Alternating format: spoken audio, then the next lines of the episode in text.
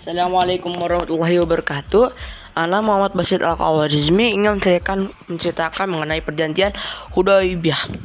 Setelah enam tahun berlalu sejak hijrah dari Makkah, Rasulullah SAW berhasil mengokohkan pasukannya. Masyarakat Islam serta daulah Islam menjadi disegani semua bangsa Arab. Setelah itu beliau mulai memikirkan langkah lain. Langkah-langkah tersebut adalah cara untuk semakin menguatkan dakwah daulah Islam dan melemahkan musuh-musuhnya telah sampai kepada beliau bahwa penduduk Khaybar dan Makkah telah membentuk kesepakatan untuk menerangi kaum muslim untuk menghadapinya. Beliau merumuskan strategi kebijakan yang bisa mengantarkan pada terbentuknya perjanjian damai dengan penduduk Makkah sehingga diharapkan dapat mempermudah penyebaran dakwah di jazirah Arab sekaligus dapat mengisolir penduduk Khaybar dari Masjid Al-Haram yang dilakukan dengan damai sehingga akan mengantarkan pada pada maksud politis beliau. Beliau juga bahwa beliau juga melihat bahwa dengan tidak adanya peperangan dengan bahasa Arab di bulan-bulan haram akan memudahkan beliau untuk menerapkan strategi tersebut mengetahui bahwa Persatuan Quraisy telah terpecah dan ketakutan terhadap kaum muslimin menyergap jiwa mereka. Strategi ini telah dirancang beliau dengan beribu kali pertimbangan karena itu Beliau ber, berencana pergi ke Bait Al-Haram untuk menunaikan ibadah haji. Jika kaum Quraisy menghalang-halanginya ibadah hajinya, maka larangan itu menjadi alasan bagi beliau untuk mendakwahlah Islam di seluruh bangsa Arab sekaligus sebagai sarana untuk melancarkan propaganda menentang Quraisy. Karena itu Rasulullah SAW mengizinkan berhaji di bulan Zulhaqdah dan mengirimkan beberapa delegasi ke kabilah-kabilah Arab non-Muslim mengajak serta serta hmm, mereka ikut dimasukkan dimasukkan untuk memberitahu kepada bangsa Arab.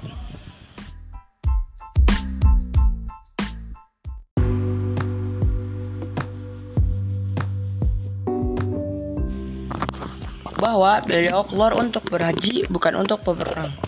Bersama beliau turut pula orang-orang non-muslim dan mereka tidak agama dengannya karena beliau tidak untuk berperang melainkan untuk meraih opini umum yang akan berpihak kepada beliau seandainya kafir Quraisy mencegah beliau berhaji. Beliau telah menetapkan langkah perdamaiannya karena itu beliau tidak mengizinkan kaum muslimin bahwa membawa senjata kecuali pedang-pedang yang tersimpan dalam sarungnya. Beliau mengumumkan bahwa rombongannya keluar untuk berhaji bukan untuk berperang. Rasulullah SAW meninggalkan kota Madinah bersama dengan 1.400 orang laki-laki. Beliau berada di barisan terdepan menunggang untanya Al-Kishwa yang ber berbiringan dengan 70 ekor unta lainnya. Beliau memakai baju ihram untuk umroh agar dapat menunjukkan kepada Umar umat manusia bahwa beliau tidak bermaksud perang. Beliau keluar hanya untuk mengunjungi Baitullah Al-Haram setelah melampau melampaui Madinah dan melintasi gunung sejauh 6 atau 7 mil. Rombongan haji ini dapat Zul Khalifah dan mereka mengucapkan talbiyah untuk umroh dari sana. Kaum muslimin terus bergerak ke arah Makkah. Berita mereka sampai juga kepada kaum Quraisy yang memberitahukan bahwa kaum muslim telah datang untuk berhaji, bukan untuk berperang. Kafir Quraisy khawatir hal itu hanya si saat Muhammad SAW untuk masuki Makkah, kemudian menyerang pendudukannya. Mereka memikirkan hal tersebut beribu kali dan akhirnya memutuskan untuk menghalangi-halangi Muhammad SAW masuk ke Makkah. Seberat apa pun pengorbanan mencegah mereka memasuki Makkah, mereka mengangkat Khalid bin Walid dan Iqramah bin Abu Jahal memimpin pasukan yang sangat besar yang pasukan berkudanya berjumlah 200 orang. Pasukan musyrik keluar dari Makkah dan bergerak menuju arah rombongan yang datang untuk berhaji agar dapat mencegah mereka mereka tiba di Zu di Zuzua lalu membangun pemakahan di tempat itu. Kabar tentang apa yang dilakukan Quraisy yaitu telah mempersiapkan pasukan untuk mencegah berhaji. Telah kepada telah kepada Muhammad SAW ketika beliau SAW sampai di perkampungan Asfan yang berjarak mahalah 2 kali 44.352 km alias 88.704 km dari Makkah. Bertemu dengan seorang laki dari Bani Ka'ab, Nabi SAW kepada kepadanya tentang kabar orang-orang Quraisy.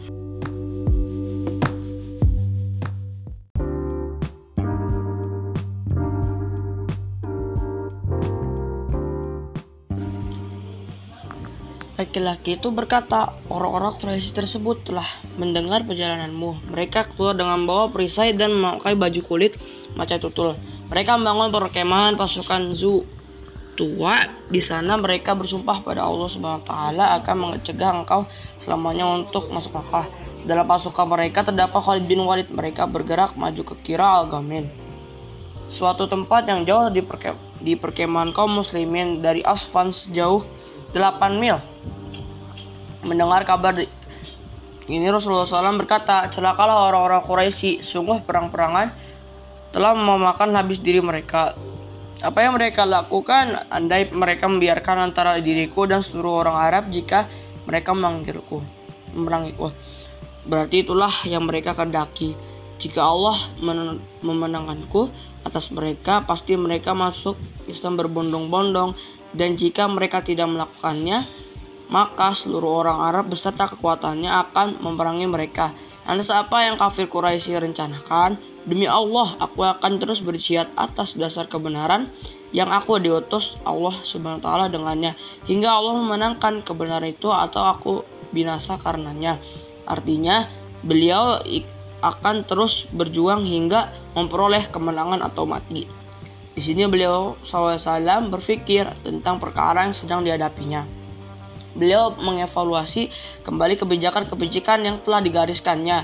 Beliau memanglah telah menetapkan keputusan menggunakan jalan damai dan tidak menyiapkan diri untuk berperang. Namun kenyataannya beliau tidak melihat bahwa kafir Quraisy telah mengirim pasukan untuk memerangi dirinya. Sementara itu, beliau tidak ingin berperang jika demikian kenyataannya. Apakah Rasulullah SAW harus kembali ke Madinah ataukah mengubah kebijakan damai dan beralih mengambil strategi perang? Beliau mengetahui bahwa kaum muslimin dan keimanannya mampu menghadapi perlawanan pasukan musuh dan terjun ke, ke kencah peperang, peperangan meski mereka belum menyiapkan perang sama sekali. Akan tetapi beliau datang bukan untuk berperang dan memang tidak menetapkan untuk bagi ber, untuk uh, sama sekali berperang.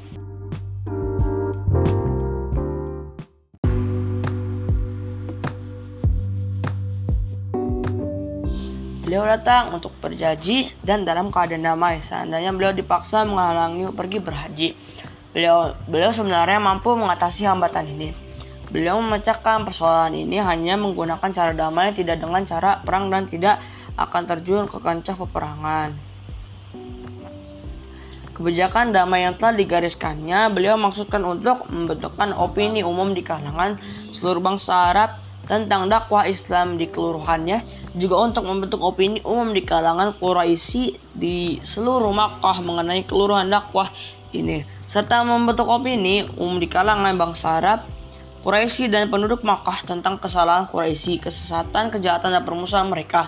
Beliau mengingatkan opini umum ini bisa membentuk iklim dakwah yang kondusif karena keadaan tersebut merupakan salah satu faktor pendukung dakwah yang paling besar dalam penyebaran dan pencapaian kemenangan Islam. Berdasarkan hal ini, beliau menetapkan strategi kebijakan dalam dalam damai dan tidak menetapkan strategi perang jika tetap melakukan perang berarti beliau telah menyalang, menyalahi strategi itu sendiri dan merusak aspek yang menghindari alasan beliau keluar dari Banidah. Karena itu, beliau berpikir keras tentang apa yang harus dilakukan dalam pikirannya.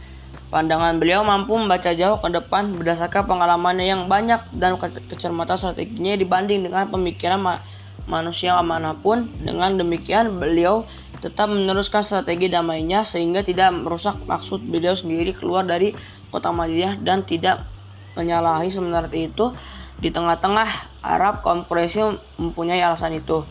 Yang Rasul, jadi opini umum ternyata berpihak kepada kafir Quraisy daripada terhadap beliau karena itu beliau menyeru rombongannya. Siapa yang bersedia berjalan bersama kami lalui sebuah jalan selain jalan mereka sendiri. Lalu orang-orang laki-laki tersebut mereka bersama dan menunjukkan jalan uh, jalan selain jalan mereka sendiri. Lalu seorang laki-laki keluar bersama mereka dan menunjukkan yang sempit. Rombongan Rasul ini melewati jalan itu di tengah himpitan sulitan, menjadi perjuangan yang melelahkan sampai akhirnya bisa berhasil melewatinya.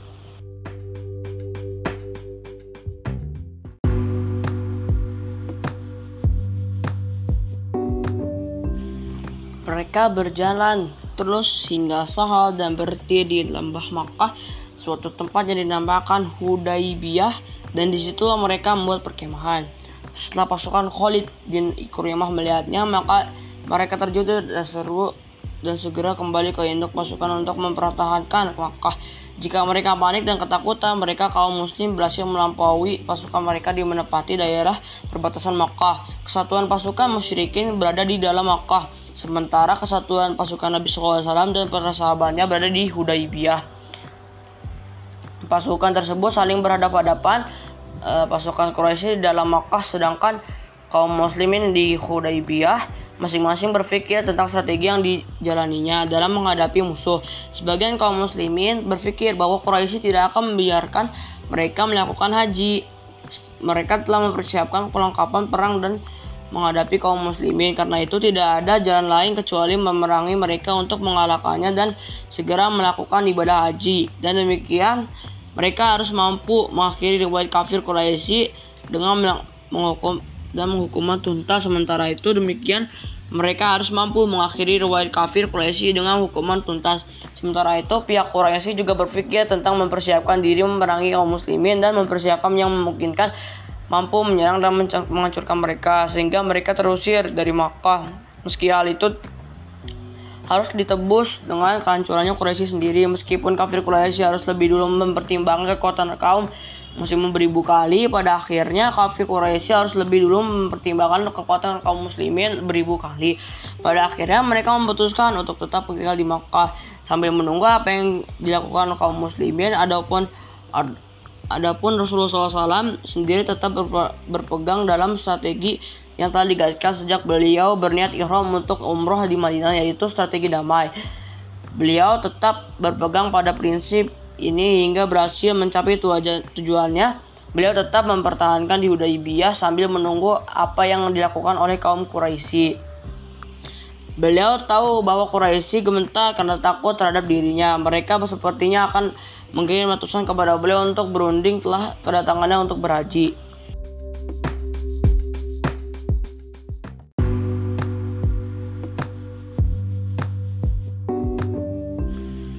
Kroesi kemudian mengirim ratusan perokok yang berunding tentang kedatangannya untuk berhaji. Kroesi kemudian mengirimkan Badil bin Warokok, seorang laki-laki dalam rombongan Bani Quzazah kepada utusan perundingan tugas lama setelah perundingan. Akhirnya mereka puas karena ternyata kaum muslimin tidak datang untuk maksud perang, melainkan eh, mainkan kedatangan mereka untuk mengunjungi Baitullah demi mengagungkan kemuliaannya. Setelah itu utusan dari kemba kembali untuk meyakinkan Quraisy dan dengan kabar da tadi dan berusaha keras meyakinkannya sehingga men mencurigai telah telah berpihak kepada Muhammad SAW. Mereka tidak mempercayai ucapan para utusan ini. Mereka mengirimkan utusan lain di di bawah kepimpinannya Mukris mempercayai Mukris bin Hafaz. Namun nasibnya juga seperti utusan pertama Kemudian mereka mengirimkan Halis bin Al-Qamah, kepala suku Al-Ahabishi, untuk berunding dengan Muhammad SAW.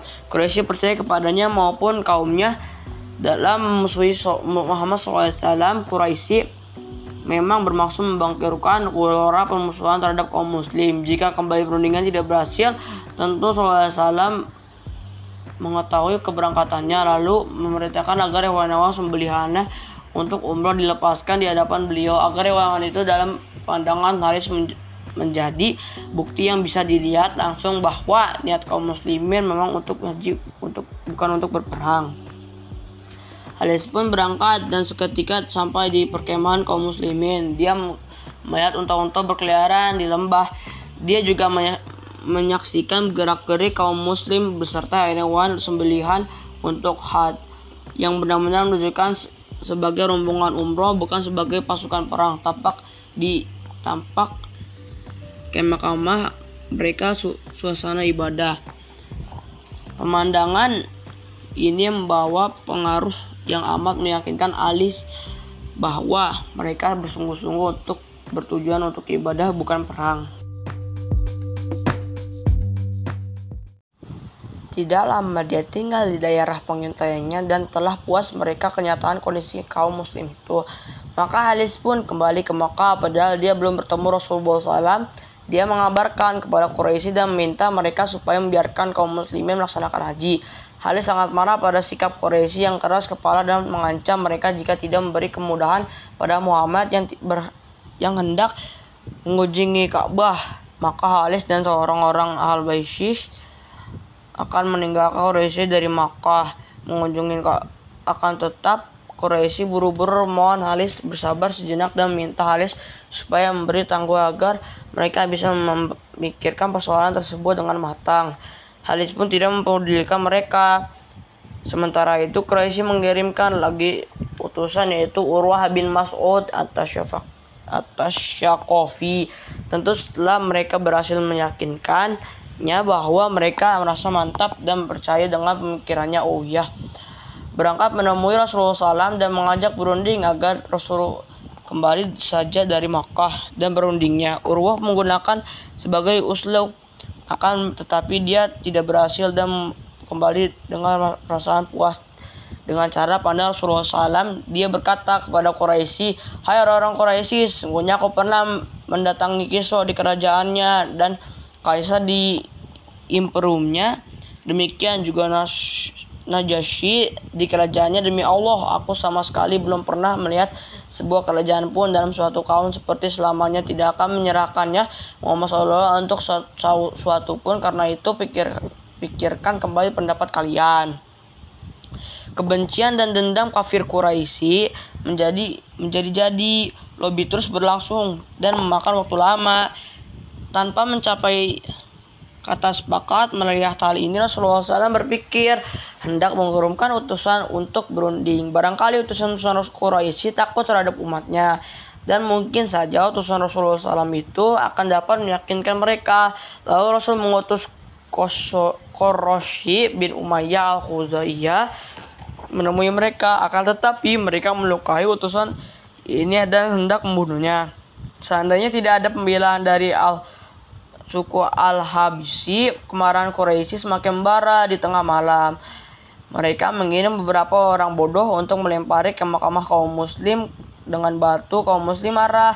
Bahkan mereka tempat sempat berpikir untuk memerangi kafir Quraisy. Akan tetapi Rasulullah SAW berhasil meredakan kemarahan mereka dengan memenangkannya.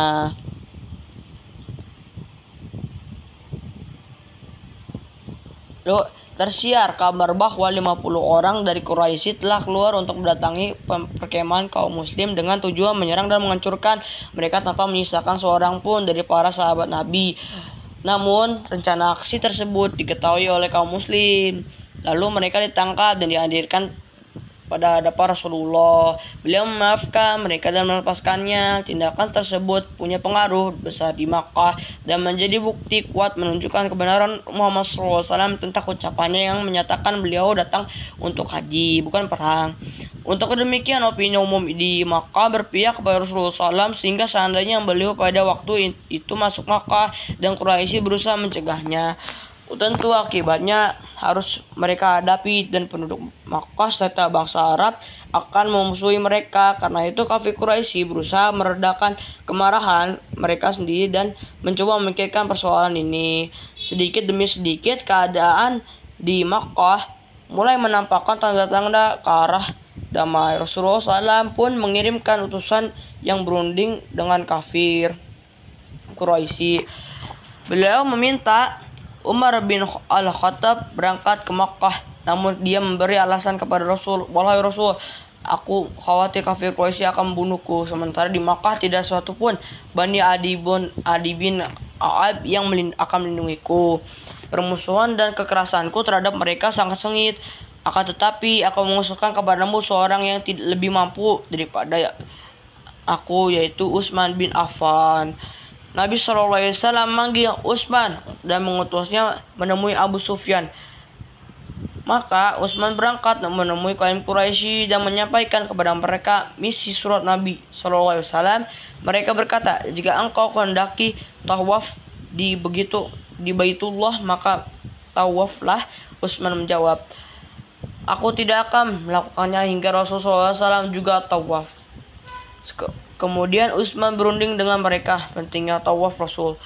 Namun namun Quraisy menolak usulan itu. Perundingan di antara mereka menjadi berkepanjangan dan terus berlangsung. Perundingan beralih ke persoalan penolakan Quraisy mengarah kepada kesepakatan baru yang mengkomodir kepentingan Quraisy dalam kepentingan kaum muslim. Mereka membahasnya dengan Utsman tentang kemungkinan membentuk hubungan antara mereka dengan Muhammad SAW mereka juga bersikap baik terhadap Utsman yang menemukan jalan yang dapat membebaskan mereka dari situasi sulit dan dari ke, dari permusuhan mereka dengan Muhammad SAW yang berkepanjangan. Keberkian Utsman terlalu lama di Makkah sementara tanda-tanda keberadaannya di Makkah juga tidak tampak. Sampai akhirnya terbesar, terbesar isu di kalangan kaum muslim bahwa Quraisy telah memperdaya Utsman dan membunuhnya. Kegelisahan kaum muslim muncak dan sempat mencemaskan Nabi SAW bahwa Quraisy telah membunuh Utsman. Akibatnya kaum akibatnya kaum muslim bergolak dan bergoceng masing-masing mereka menggenggam pedangnya dan siap berperang serta membunuh. Ketika itu pun Rasulullah SAW mengevaluasi kembali pandangannya tentang strategi yang telah digariskan, yaitu strategi damai. Beliau melihat lihat bahwa perkembangan baru itu membutuhkan peninjauan ulang terhadap kebijakan tersebut. Khususnya setelah melihat ada tanda-tanda bahwa kafir Quraisy memperdaya Utsman dalam bulan haram, padahal dia diutusin juru runding. Karena itu beliau berkata, "Janganlah kita meninggalkan tempat ini hingga kita manggil kaum itu." Beliau memanggil sahabat-sahabatnya, lalu diajaknya terdiri di bawah sebuah pohon seraya minta mereka membiarkannya bayat kepadanya mereka semua berbaiat untuk tidak lari dari peperangan sehingga mati karena sangat bersemangat dalam kekuatan yang luar biasa dan kebenaran di keimanan ketika selesai mengadakan bait Rasulullah SAW memukul mukulkan salah satu tangannya kepada lainnya sebagai tanda bayat untuk Utsman. Seakan-akan Utsman hadir bersama mereka. Bayat ini dinamakan bayat Ridwan. Mengenai peristiwa ini Allah Subhanahu wa taala menurunkan ayatnya. Sungguhnya Allah telah diridho terhadap orang-orang mukmin ketika mereka membait membait membaitmu di bawah pohon. Maka Allah sebenarnya mengetahui apa yang ada di dalam hati mereka lalu menurunkan ketenangan atas mereka dan memberi kebalasan kepada mereka dengan kemenangan yang dengan waktu dekat. Al-Fat ayat 48 surat ke-18 sebelum sempurna bait dalam muslimin belum mempersiapkan diri terjun diri terjun ke medan laga dan memasuki perang. Tiba-tiba sampai ke kabar kepada mereka bahwa Utsman tidak dibunuh. Tidak berapa lama Utsman kembali mengabarkan bahwa Rasulullah SAW tentang apa yang dikatakan Quraisy telah menyimak dengan sungguh-sungguh. Lalu berunding damai antara Rasulullah SAW dan Quraisy diperbarui. Quraisy mengirim Suhail bin Amru untuk berunding dengan Rasulullah SAW dengan agenda yang lebih luas dari sekedar pemasalan haji dan umroh melebar ke arah sebuah perjanjian damai yang akan ditetapkan oleh beliau dan mereka dengan dasar bahwa beliau harus meninggalkan Makkah tahun ini. Rasulullah SAW menerima perundingan damai dengan asas tersebut karena perjanjian tersebut telah merealisir bermaksud beliau dalam melakukan kunjungan ke Baitullah. Lagi pula tidak menjadi masalah bagi untuk mengunjungi Baitullah tahun ini atau tahun depan. Beliau berkeinginan mengisolir Khaybar dari Quraisy dan membersihkan rintangan antara beliau dengan bangsa Arab untuk kepentingan penyebar luasan dakwah beliau untuk menetapkan maupun perang-perang lain yang mungkin terjadi secara bersusulan ataupun masalah haji dan umroh tidak akan berpengaruh apakah akan dilaksanakan sekarang ataukah tahun depan. Rasul memasuki proses perundingan dengan juru runding so Suhail bin Amru dan terjadilah diskusi-diskusi panjang lebar di antara kedua pihak berkenaan dengan perjanjian damai tersebut beserta syarat-syaratnya. Dalam beberapa kesepakatan, diskusi tersebut ditingkai beberapa interupsi dan, menya dan nyaris batal. Seandainya tidak ada Rasulullah SAW ke dalam kedalaman pengalamannya dan kejelian siasatnya, kaum muslimin berada di sekitar Rasulullah SAW menyimak perdebatan tersebut dan mereka menganggap bahwa perbincangan untuk itu berkenaan dengan umroh sedangkan Rasulullah SAW sendiri masih sempit sementara itu Rasulullah SAW bergembira terhadap hal itu dan mengarahkan perjanjian itu ke tujuan yang beliau hendaki tanpa melihat rincian maupun manfaat sesaat, kesepakatan antara kedua pihak tersebut melanda syarat-syarat tertentu. Sayangnya syarat-syarat ini membakar dan membangkitkan amarah kaum muslim. Mereka berusaha meyakinkan Rasul SAW agar menolak syarat-syarat perjanjian itu dan menggantikannya dengan perang. Sampai-sampai Umar bin Al-Khattab pergi menjumpai Abu Bakar dengan berkata kepadanya, "Kenapa kita menerami kita menerima kehinaan agama kita?" Umar berusaha mengajaknya pergi menemui Rasulullah Shallallahu Alaihi Wasallam untuk meyakinkan beliau agar menolak syarat-syarat perjanjian tersebut.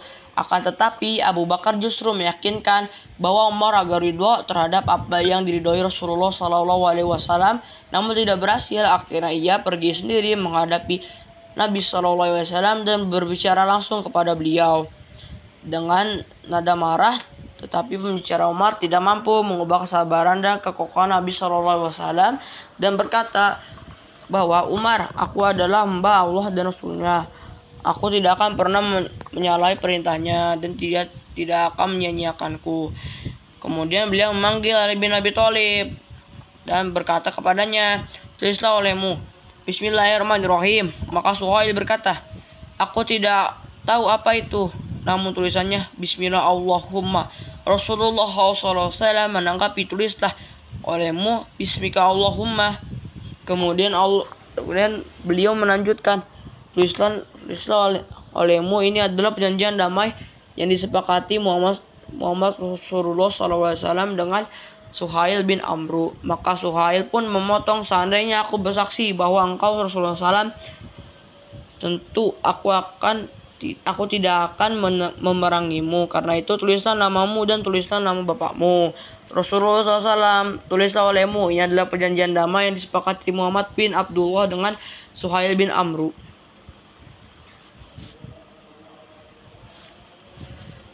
Kemudian Ali melanjutkan menuliskan perjanjian di atas kedua pihak yang isinya sebagai berikut. A.